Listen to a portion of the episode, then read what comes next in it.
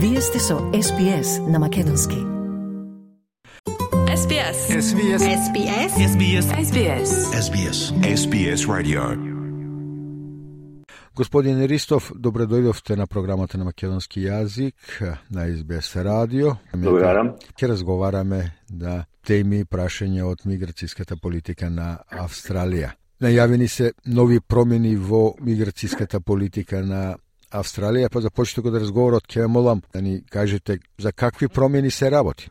Видете сега овие промени а, се не, бе најавени од лани, не се уште ставени во системот како легитимни промени, овие се само најави. Од кога дојде новата власт а, во Австралија, они сака, значи, да пременат нови промени за да се подигне миграцијата во Австралија, бидејќи и поранешната власт сосема го намали то и, како што знаете, ковидот и што се деси во последните 2-3 години ја намали работничките визи и студентските визи, сите тие визи што не можеа луѓе да добијат заради пандемијата, сега они за ова власт, они сакат да, да, да направат промени за да дојде повеќе мигранти во Австралија кои се во однос на работа. А тука има исто промени за луѓето од Нов Зеланд, има промени за студентите, има промени за working holiday, што Македонија не може да добие, македонци не може да добијат овие визи. Има промени околу што се skilled workers, за да добијат pathway за permanent residency, тој број ќе се накачи поголем. И ќе има промени во колку треба спонзорот да ги плаќа, до сега се ги плаќаше околу 6000 и ќе се подигне тоа на на 7000 долари. Помнав се дека ете на почетокот од разговорот за тие промени дека има промени по однос на миграцијската политика Нов Зеланд Австралија, меѓутоа тоа ќе го ставиме за крај од разговорот, бидејќи мене лично ме интересира потекнувам од Нов Зеланд. Она што е поинтересно, поважно е за оние квалификувани работници со вештини кои и се и потребни на, на Австралија, а се најде и како еден од клучните приоритети на овој преглед што го имаше тој парламентарен комитет, значи за привлекување и задржување на овие работници мигранти со вештини. Нешто спомна за нив дека се зголемуваат и финансиските средства, односно нивната плата годишна, а кои се така тие поважни промени поднос на овие работници кои доаѓаат на привремен престој, а сега ќе имаат право и да аплицираат за постојан престој?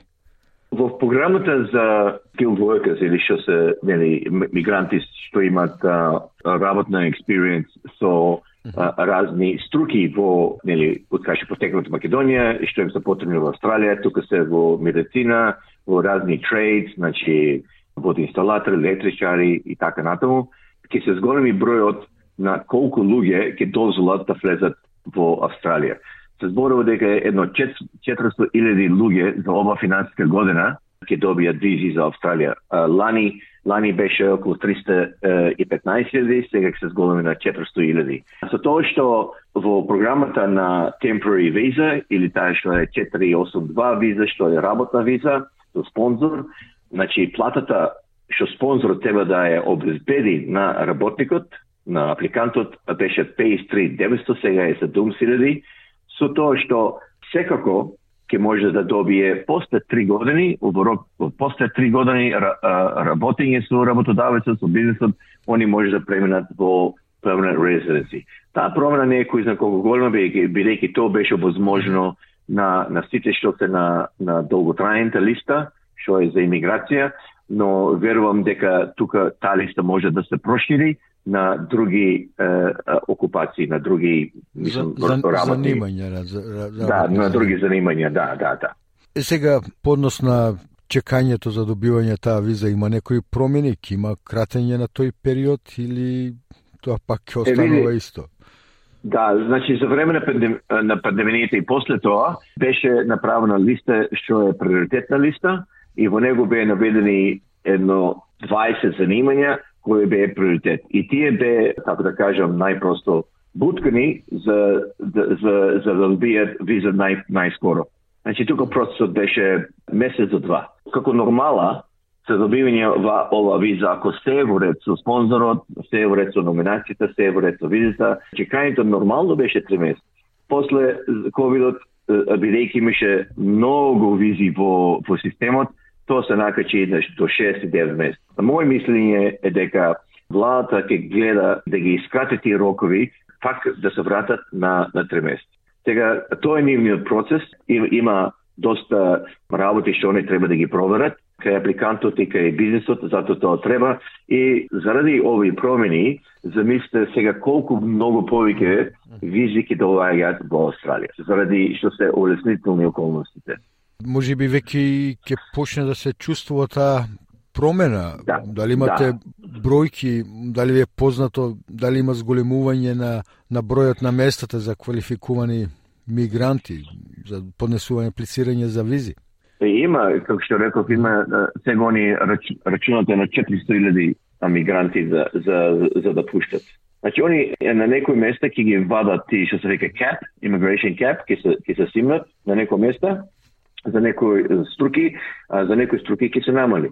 Владата во Австралија гледа да, да донесе млад кадар, што е способен да работи и што ќе може долго трајно тука да живее во Австралија и да придонесе на економијата и на што се вика на социјалата на комјунити во Австралија. Да, да. Значи работат на долги пати, едни од таа да. млада категорија се и Да. и студентите што се однесуваат Да. до нив и тие меѓународни студенти кои ете исто така представуваат важен дел од работната сила на австралиската економија. Има и за нив некои дополнителни промени? Има за за студентите има неколку промени. Прво промената е што а, за време на COVID на студентите им бе дадено право да работат 40 сати неделно, значи беше е, тај закон мислам дигнат. Сега пак се врати да, да може само да работат 40 сати во две недели. Значи во неделно да работат само 20. И тоа е само part-time. Тоа пак се врати и плюс што е најбитно за студентите ќе се ќе се поништи што е GTE, Genuine Temporary Entrant. Тоа беше еден фактор за многу види што се одбива во Австралија заради тоа што кейс офисер може да одлучи како што сака. Му дава право на закон, што се вика карт бланш, да може да, да, да донесе одлуки за визата како што сака и како што му текнало. Немаше некој неко одреден принцип и, или нешто одредено, кај што он можеше да следи некои точки за некој да добие виза.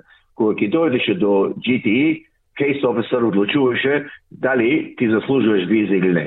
А тоа може тоа е тоа е мислам Да. неефикасно и не и мислам смешна е таа таа работа и ние сите како агенти доста се нервиравме околу тоа, бидејќи имаше многу студенти што што беа лажни студенти, добија визи, а ти вистински студенти не добија виза. И тоа беше само заради тоа ГТ. Тоа ќе се промени сега за да бидат по-улеснителни околности околу тоа и дека Кесовсот навистина мора да да ги види сите сите информации во во апликацијата пред да донесе одлука. Имаше забелешка од овие студенти, па и оние кои се овде на мастерс, дипломи или докторанти, па кои има проблеми со чекањето, добивањето на визата, чекање до една година пред да им биде одобрена или продолжена визата. Дали има некои промени во однос на тоа?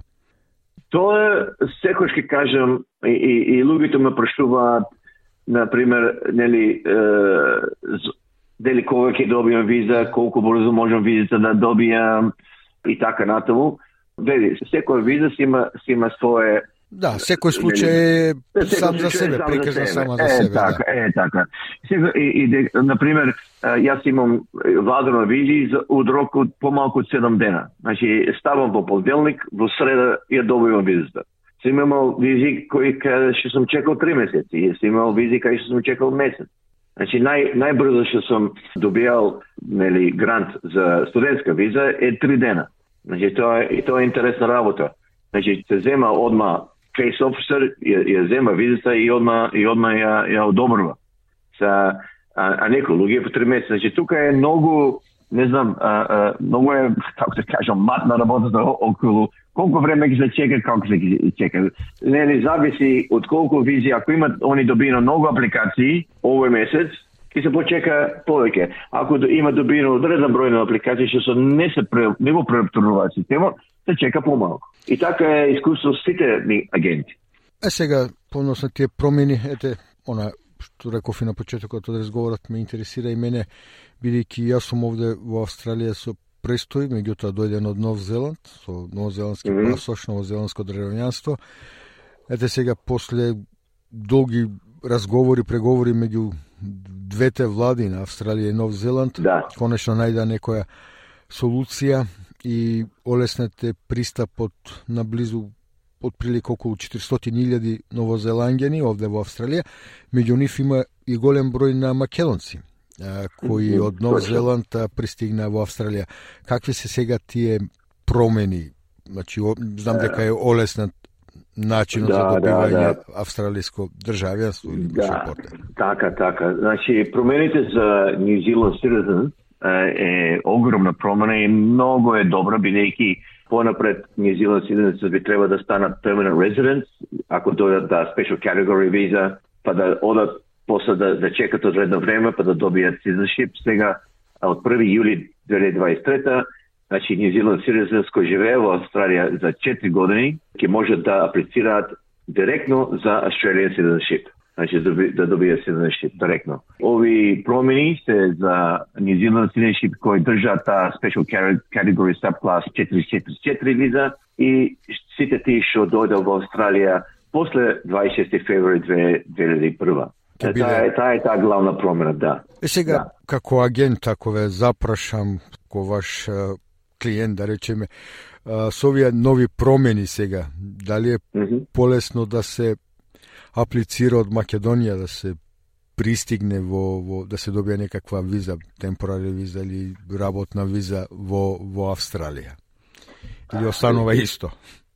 А, види, секој ќе бил останува исто, секој ќе било подобро да се аплицира од Австралија. Јас на сите мои а, нели клиенти што ми се водат од Македонија сакаат да добијат некоја студентска виза или работна виза, најлесно им велам да се аплицира во Австралија.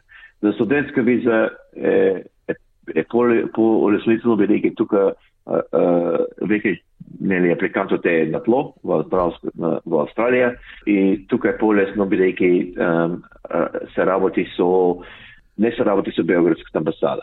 Значи, наше, како македонци, наше нај, најголем проблем е Белградската амбасада и они како ги третират македонство во смисло на визи и така на тоа. Јас до, до, до душе не сум имал никакви проблеми со нив, они до сега се били добри со мене и не е добро да сработуваме со Белградската амбасада. Но, сека, но сепак да се апрецира од Австралија по малку полесно. За работите визи исто така, велики. ако ти како апликант за работна виза, ако немаш работа тука, сакаш да добиеш, ако немаш работа тука во Австралија, најдобро е да дојдеш во Австралија и да, да си најдеш работа или да си најдеш спонзор. Ако веќе има спонзор, може, може да се аплицира од Македонија и, и би било исто, без проблем Прашањето ми беше колку овие промени сега што настапе во миграцијската политика, дали на некој начин го улеснуваат начинот за добивање виза, дали можат полесно да добијат, меѓутоа да, останува да исто во глобала, зависи Останува исто во глобала, да и не. Значи останува да. исто во глобал и и како што рековме пред, секој случај сам на себе. Добро, господин Ристов, еве, за крај од разговорот разговаравме доста и за овие промени, меѓутоа секоја промена носи и нова цена. Дали се зголемуваат цените на задобивање виза, дали има промени во, во однос на тоа? Да, апсолутно. Значи, секоја година uh, Department of Immigration и владата ги покачува, ги покачува цените, значи на 1 јули цените се покачуваат за за некој индекс коефициент 7%. Значи, тука е, мислам, таа цена на покачување на сите визи. И само да ви кажам дека International Education, кога збориме за едукација, кога збориме за студентски визи, е 40 билиона годишно за Австралија и креира околу 250 работи, што интернационалните студенти ги пополнуваат тие места.